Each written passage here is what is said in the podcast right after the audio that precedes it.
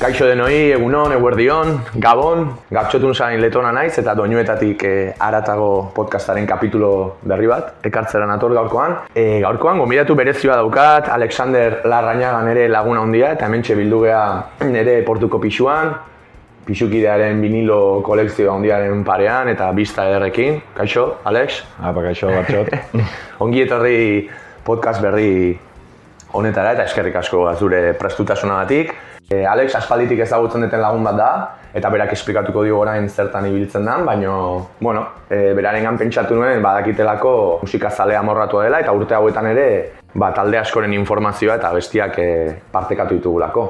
Beraz, Alex, ba, intzatzu zure buruaren aurkezpen txiki bat, zertan zabiltza gaur egun? Ba, Jo, nik e, gartxote bezala nik audio isolak ikasi nituen, lehioan, Bilbon. Ba, karrera amaituta ematian azkenian etzen oportunidade asko, hasi nintzen bidaiatzen, pixkan munduan da bizitzan galdu nintzen, eta donostira bueltatzean ba, bilagunekin ba, motxila marka batetan sartu nintzen, eskuzinak dienak, eta hortan gabiltza, saltzen eta pixka pues, bizirauten marka aurrera eramaten, eta hoi gartxotek esan bezala ba, gaztetatikan e, musika munduan oso murgildutakoak izan geha eta pixkate musika frikiak.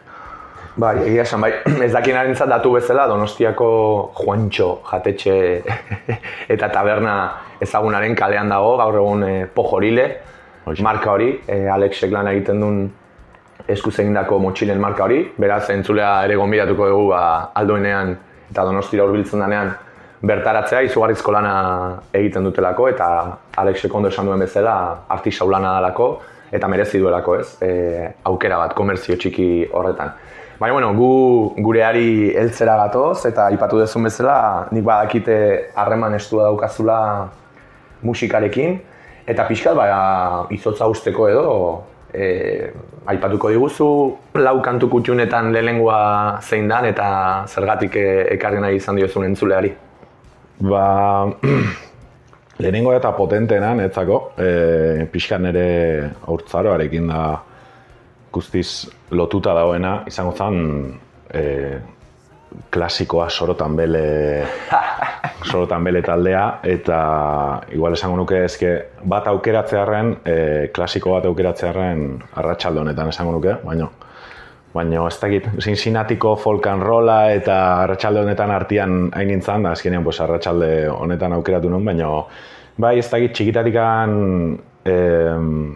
oso bihotzean eraman deten taldia da, eta oindik gaur egun nire top e, iruan dagoen taldea, eta ez dakit taldea alaia, e, oindala urte iskaso lako zerbait etxean anekdota, e, aitak aurkitu zuen kofre zartzar bat, eta kofre hortan zeuden kaset, e, basta egit, e, nik amar urte, behatzi urte nituenetako Kotxian entzuten zian hori. Bai, kotxian entzuten zian oitakoak, eta sinintzen behiratzen, eta haien artean aurkitu nuen sorotan belen kasetea. Ze bele, bele beltzona. Bele beltzana. Nik bai bakat. Bai, oi, subido ja. eta oi, e, kaseta kutxuna, ondo ondo gorretak altxorro bezala, eta justo aurten, nire urte betetzean oparitun ziaten viniloa. Uf. Berdina baino viniloan. Eta, fua, oi, kiston ilusia intzian. Orduan, oi, oso maitea dagaten taldia da, eta ez dakit oso berezia. Hori azkenean euskeraz, e, folk ikutu horrekin, Eragin zakit irlandesa. Irlandesa, irlandes ikutu horrekin baita oso animatua, e, eta gauetan obvio, e, kalimotxo pare batekin gaudenian da, pues, asko arrotzen gea. Eta nostalgia pizten dute ez, automatikoki kantu horiek. Oida, Bai, bueno, ze esan, hau da, sorotan bele ezagutze ez duena entzat, bueno, ez dakit zeinek ez duen ezagutzen, ez nuke asko konfiatuko ere hemen inguruan sorotan bele ezagutzen ez duen pertsona e, batengan. Baina zer esan ez, laro gehieta margarren amarkan puntako talde bat, hemen inguruan, ondarri bi eta lezo artekoa, okaraz banago, eta pixkat denon hautzaroa edo gaztaroaren banda sonora ina handi batean e, sortu duena, ez? Alexek esan duen bezala, nik uste e, garaietan kotxean zeuden ez dakit, iruz palau edo bost edo sei e, kasetzein zeden artean, ba, sorotan beleren bele beltzaren, sorotan bele izena du diskoak ere, okeraz bai. banago, bai. E, klasiko handienetariko bazara ez, eta denak dakizkigu ez dakit, hogei urte pasata ere, oraindik ere, eta oraindik ere bi kalimotxo gainean dauzkagunean letrak e, gogoratzen ditugu, eta horrek nire ustez ere esan dauka. Gure sikean azkenean gazte ginenean izugarri barneratu genituen doinuak direlako ez. Nik egia esan ere aitortu behar dut titular gixan, ez dakit sorotan bele ezote da nire talde favoritoa, naiz eta favorito eta oso top ten zalea ez naizen, baina nik ere zu bezala izugarrizko harreman aukin nuen e, kotxean, etxean eta oso presente ondan talde badan ere gaztaroan eta gaur egun oraindik ere izugarrizko nostalgiarekin e, entzuten dut. Zuri gaina pasako zitzaizune bai, badakit asko za, e, bidaiatutakoa zehala eta bai. munduko txoko askotan egon zela, ez duzu beti hola nostalgia eta tristura puntu bat sartu zaizunean e, jakaseta eta biniloaz baino, jak Spotifyen hor e, marinelaren zai bat, edo atalaia bat, edo ez duzu bilatu munduaren beste puntan zinanean pixkat etxetik, ondarribitik, lezotik, donostitik e, gertuago sentitzeko, erabili dezu sorotan beleren komodin e, bai, pixat, nostalgiko hori, Bai, pixat ankla hori ez. bai, ez. Ni gasko, bai, ni ikusi naiz e, Australian bertan, imaginatu ba, hor zazpi sortzi jabete pasata, da, oi, etxe mina pixkat, eta o, egun txar bat pasata, o, lo que sea, eta batean Spotifyen esan hostia. E, igual sorotan belen zungoit, eta etxea jun automatikoki, da kaseta jarri, nire buruan, hor e, gurasoen kotxe zarrian, eta hoi nostalgia hortan pixka murgildu. Bai, bai, bai, bai, baka faktore potente horrek e, sorotan melek. Bai, bai, ala, ba, entzuningo deu, nik uste oso ezaguna dela jendearen zako, baino arratsalde honetan temazoa entzute, entzuteko aukera e, euki ez duen entzularen zako, edo ezagutzen ez duen zako, e, uste ez dira asko ongo, baino hemen txedikoa abestia eta abestia egiten gora sorotan bele.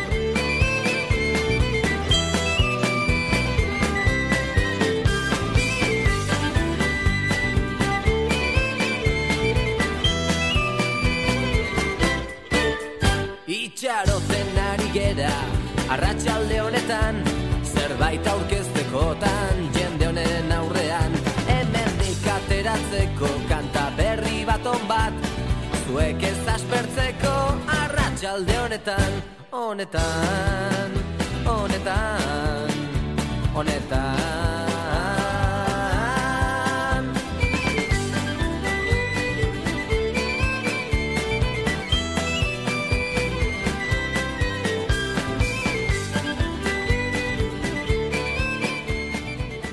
Bueno, ba hor txentzun dugu sorotan bere talde puskan arratsalde honetan abesti puska. Jakin e, abesti honetaz gain ikus esango nuke beste guztiak bai klasiko eta ere serki itzela diala. Aseke mesedez, hartu zazue atxalde bat, inoiz hartu ez parezue sorotan diskografia guztia entzuteko. ez da ere oso luzia, okerrez bano bi edo hiru e, album atea zituzten ez. Hau izan zen, e, nola esan, Bai, ez da rekonozimendu handien eman ziena. Ez da maintzuna. Nik azkenean nik ez hau zeitutela bi, bi CD, bi album dituztela garrantzitsuenak. Baina hau da potentena, dena temazua dia. Bai, bai. Eta gaina, okerrez banago ere, lehen gurtan egin zuten e, bi abeslariek ola orkesta batzuekin edo koro batzuekin egin zituzten e, kontzertu ah, bai. batzuk bai. Euskal Herrian, eta nik berandu ikusi nuen jira horren anuntzioa, baino... Bai, nahi berdina gertatu zuten ikusi nun zuzeneko agaizia laiten, sorotan berenak, eta kiston bajoia e, nintzala enteatu. Bai, bai, bueno, ba, jakin dezala entzuleak, Alex eta biok nahiko alorongo gehala etorkizunean, ea olako beste bira bat egiten duten eta bertan egongo gara, lehenengo filan, seguro. Ez dakit, kalimotxuakin o kafiakin, baino arratsalde honetan eta marineraren zai bihotzetik kantatzen. Ba, aurrea jarraituko du, Alex, zein da zure urrengo aukerak eta bigarren kantua? Jo, ba, bigarrena hor jarraituko pixkat e, gaztaroan e, pixkat nostalgiakin pixkat hor, hor jarraitzen e, azkenian gurasoek entzute zuten musikara jota.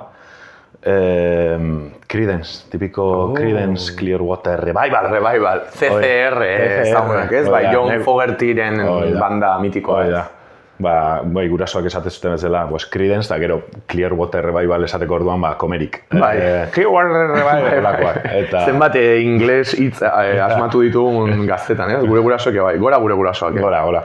Eta, ba, goratzen naiz azkenean, e, bai aitaren eta amaren influentzia, aitaren influentzia zen gehiago, pues, e, oi, rock and rolla, estatu batuarra, inglesa, baina batez ere estatu, estatu batuarra, Eric Clapton, Mark Knopfler, hauek, B.B. King, Creedence, hau guztiak, eta amak gehiago zian e, ant- kantautoreak, mm -hmm. pa, estatuko kantautoreak, espainolak, latinoamerikanoak eta horrelakoak. Eta eta Creedence CD bat zegon konstante, konstante baten kotxean eta etxean eta beti jartzen zuten zere hori askotan ba oporretan ginean daula. Orduan eh nolabaita aizialdiarekin eta pues oporretako eh, Errepide, hola, zuzen errepide. eta amaigabe batekin Bai, bezala. horrekin dakat eh, hildotuta eta eta ez dakit aukeratzekotan abesti bat esango nuke klasiko Bad Moon Rising.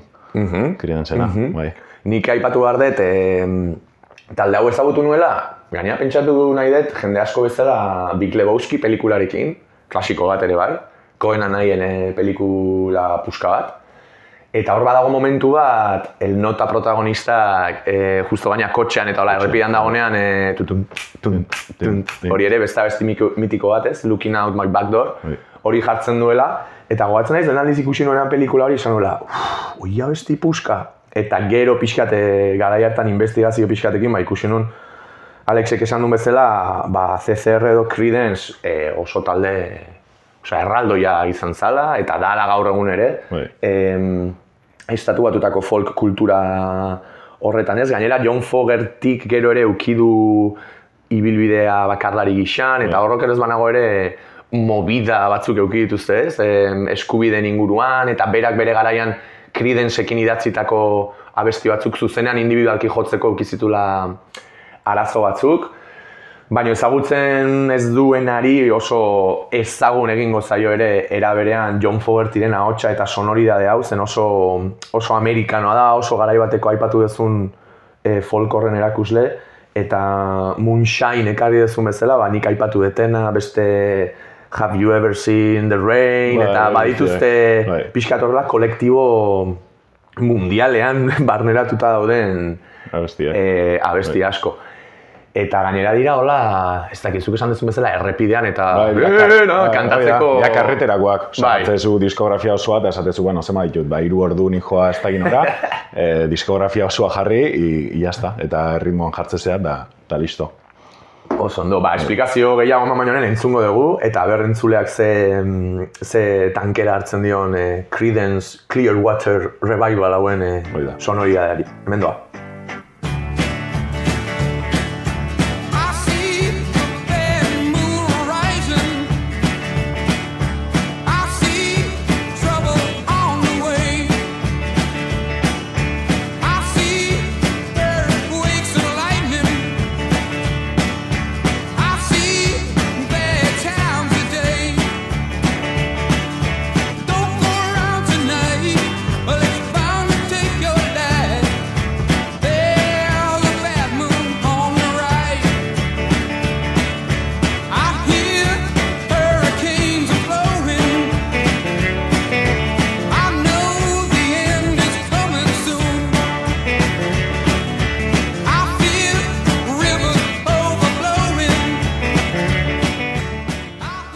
Bueno, ba, hauxe zan Bad Moon Rising abestia, leheno asmatu indet eta Moonshine deitu diot. Moonshine ez zan whiskia holako zerbait. Moonshine ez dan tipiko... Amerikako ego- whiskia. Amerikako egoaldean ateratzen zuten likore autogestionatu hori. emozionatu ina izatzean entzuten dituen doinu hoiekin eta ba, gaztetan iten genuen bezala hitz eh, berri bat eh, asmatu dut, ala nahi nulako inglesez, gu olakoa gea, ez Triple. Triple. Triplea, hoi da.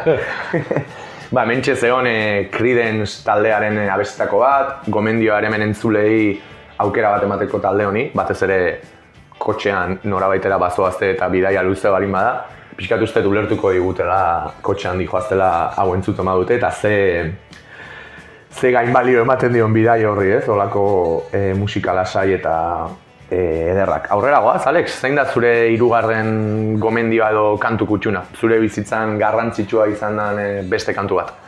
Ba, hemen ja jugu naiz pixkat eh, helduago nintzanean, ez da izan zen ja, pues, eh, batxiller inguru hortan o unibertsitatea sartzeko pues, eh, fetxa hoitan. E, nik ezagutu nuen nahi asko gustatzen hip hopa eta geho rocka baita. Osea, riff potenteak eta geho beti izan naiz ba, batez ere estatu batuetako e, hip-hop eta rap horren oso zalea. Laroiko, laroita marreko markadan hasi zana, eta guztia. Eta batean ateatzen talde bat, Reisa ez de Machine, klasikoa, e, nolabait bi genero hauek nastu egin zituztenak. Eta hasi nintzen entz- entzuten, eta ba, buruak ez da intzian. Eta gaina pues, tema sozial politikoekin nastuta, eta ez dakit, osea, netzako izan zen e, musikalki revoluzio bat bezala. Ja, igual zeuzkan, em, proposamen berri honek zeuzkan igual, barkatu, beste, beste taldeetan bilatzen zenitun, e, ez dakit nola esan, aldagai horiek, baina danak batera, ez? Aipatu bai. duzu, e, ba, hip-hoparen eduki eta ez dakit nola esan, hip- hip-hopak normalean, salbuespenak salbuespen badauka, e, normala baino gauza gehiago esateko edo mezuaren tamaina handiagoa dan e, testu inguru bat, gainera zuk esan duzu bezala normalean gaiak ere ez dira zalekoak ez, badira ba, pixkat e, gauzak ez baian jarri eta analisi sozial hori, eta era berean e, hip-hopak ere sonoridadean izugarrizko evoluzio auki du, behira gaur ze talde dauden punta-puntan, baino bai Rage Against the Machinek badauka gainera rockaren pixu hori bezala Bai, ez. bai. Sonoridadean hau da pixua du abeslariaren hitzek, pixua dute edo aipatzen den mezu horren literatura, baina era berean sonoridadea da Jo, kiston, bai, bezala, ez? potentzia zan, da, bate, e, pues, gitarrista Tom Morellok hasi zan efektu berri batzuk erabiltzen gitarrarekin eta hola, eta ez da genin ikusi, jo, ikuste duzu Beastie Boys edo horrelakoa baita, pues, antzeko zerbait, pixkat eh, rocka eta hip-hopa fusionatu zuten olako taldeak, baina honek hau izan zen estanda bat, eta aparte ba, oso ezagunak egin zian, bere Killing in the Name of abesti honekin, eta Baino, bai, niri estanda intzian eta asko jarraitu nituen da, geho hortik urte batzutara, e, ez da, ja, karrera amaitzen egin zala edo, ikusteko aukera e, eukion un Getafen, mm -hmm. Electric Weekend duetako Aha, batea. bai, bai, sonatzen dit. Bai, eta pff, oso potente. Gaina utzita zian, e, banda separatu intzan, eta hortik hiru urte eta holako zerbait e, egin zuten pues, gira mundial loitako bat. Eta Getafen, Getafen euki zuten kontzertua, lau hiru lagun junginan, eta eta epikoa izan zen. Epikoa, ez? Bai, epikoa. Jo, baina pentsatzen nintzen, ez zaizu ere bai, e, garai batean estilo ezberdinetan aintzindari izan zian tankera honetako taldeek. E, denek ez, baino oso fenomeno ohikoa izan da, ez dakit nola esan, bere garaian horren beste errekonozimentu jaso ez, eta urte batzuk pasa ala, utzia da, e, datorren generazioa konturatu danean aintzindari hoien kalidade eta zer esanaz, eta inkluso historiko, historikoki eukizuten garrantziaz ez. E, horrelako talde handiek euki dute birjaiotze moduko bat, e, pentsatu nahi batzutan izango zala interes ekonomikoaren gatik berrabiatu diala, baina sinistu nahi ere askotan aipatu duten bezala generazio berriak em, konturatu egin diala, ez? Iraganean edo zuzenan bizi ezu e, izan ez zuten horren kalidade eta indarraz, eta horregatik egon dela loraldi bat horrelako em, talde potentena, ez dakit, hogei, hogeita bost, eh, hogeita mar urte eta gero, ez da iruditzen? Bai, nahi iruditzen zait, eta e, Reisa ez domatxekin berriz, berriz pasatu da, orain berriz e, gira mundial batean sartu dira, eta nik uste horregatik dela. E, azkenian bere publiko oso potente zuten bere momentuan, bere garaian, eta orain nolabait berriz loratu da, eta pues, e, belaunaldi berriekin ba, konektatu dute, eta eta mundialki ba, estadioak eta makrokontzertuak eta dana betetzen nahi dira. Osea, bai. Azkenan gaina hori nik uste erakusle dela, estiloak aldatuko dira, garaiak aldatuko dira, baina Bai. e, musikak oraindik badauka azaltzeko ezinezkoa den e, energia hori eta konplizidadea sortzeko gaitasun hori, eta niretzako ez dakit, e, izugarrizko potentzia dauka horrek ez duela, hogeita bost urte e, jende asko jende askok e, identifikatu zuen e, mezu bat, ba, denborarekin eta naiz eta kontekstu soziala aldatu, ba, hogeita bost urte gero jende ezberdin batek ere hori identifikatzea eta bere bere egitea, ez? Gora musika, Bai, esango dugu. bai. Eta zera besti aukeratu duzu, Alex? Jo, ba, Hoi, esan izutena klasikoa Killing in the Name of, baina nik aukeratu get eh, Sleep Now in the Fire. Mm. Ze goatzen naiz bere momentu baita bideoklipa ikusi nula, eta buruan ez da nintziala, ze eh, talde osua plantatzeia hor Wall, Wall Streeten kale hortan parian, eta egiten dute zuzeneko bat, obviamente ez dagate permisoikan, eta momentu baten ba, polizia saltzen da, eta hoi guztia. Eta ez da niretzako doinu potente netarikoa, bai, diskografia osokoa. Bai, e, entzun baino lehen esan, zuk aipatu dezun bezala, Rage Against the Machine beti izan dela e, sistemaren e, aurka edo sistemaren ez dakit zimendu horiek pixkat kolokan jarri nahi izan ditun talde bat, bai energia aldetik eta bai lirik aldetik, eta nik uste ezagutze ez dunak, ba, orain ikusiko dula zertaz ari gana, entzungo dugu.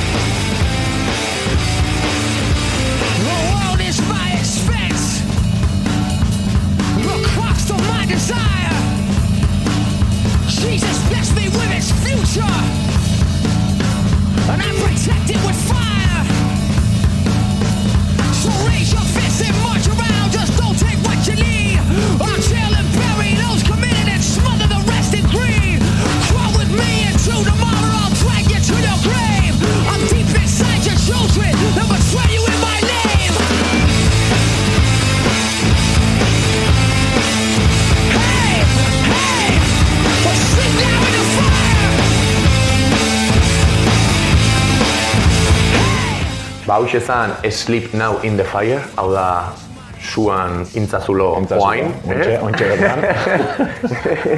ez dakigu e, Zak de la Rocha bezlariak e, su, suaren metafora mm, zerren inguruan aritzeko erabilizu, baina, bueno, frikatu nahi dunak e, uste bilatu dezala Hau, hau asko zuzenago baztan. Zuzenago da, eh? Bai, etzen Zu eman da nahi, eh? Bai, bai, pixkat, zu, da, zu, da, zu, zuta. Osa, ez joan metaforakin. Ez da, metafora, ez danak, e, sistema, barrua, bai. hori da, sistema pixkate kontrolatzen duten energia e, negatibo guzti hoien arduradunak, danak zuta, ez? Hori da.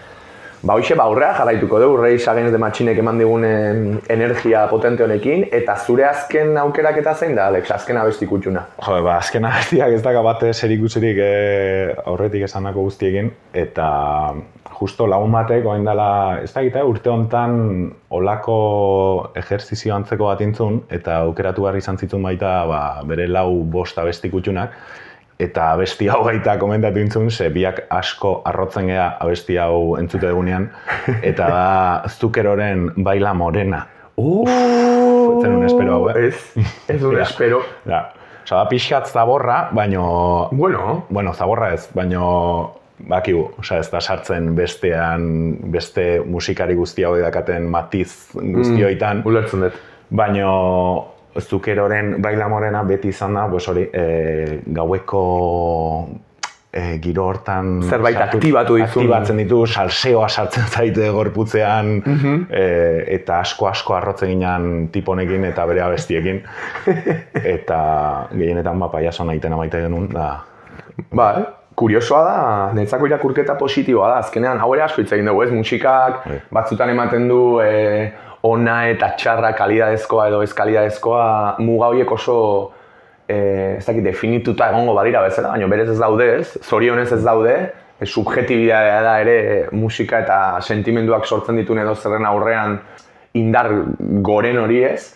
Dena dagoela subjetibidadean oinarrituta esan nahi dut, eta, bueno, abesti batzuk izan daitezke izugarri landuak, gure hausnarketa e, bideratu dezakete, edo estruktura bat analizatu dezakegu eta produkzio aldetik ze gainbalio daukan, baina gero musikak era berean askotan dauka sinpletasunetik em, gu norabaitera emateko kapazitate hori, Bai, bai. eta normalean zuk esan duzun bezala festa giroarekin lotzen ditugun horiek eh, are gehiago, ez? Eh, klasiko bihurtzen dira atzera joateko klasiko bezala, ez? Hori da, gu, azkenean, azkenean besti hau entzute genuen italianoz eh, kantatzezun tipuak. Ez genuen ez erru lertzen. Osa, baila morena, eta jazta. Da, gainontzeko, solo cuesta en una piena, ez dakiz esaten, Bai, ez bai, dakit. bai. Eta euskaloak, Eta kasuali da auskalo, hor... eh, Bai, bai, auskalo kistona gotatzen, baina Bai, bai. guk, eh, pues, italianoz, eh, ozen ozen ite genuen kanta, meneo eta eta kiston parra botatzen ditun da, orduan kiston kariñoa jote abesti honi.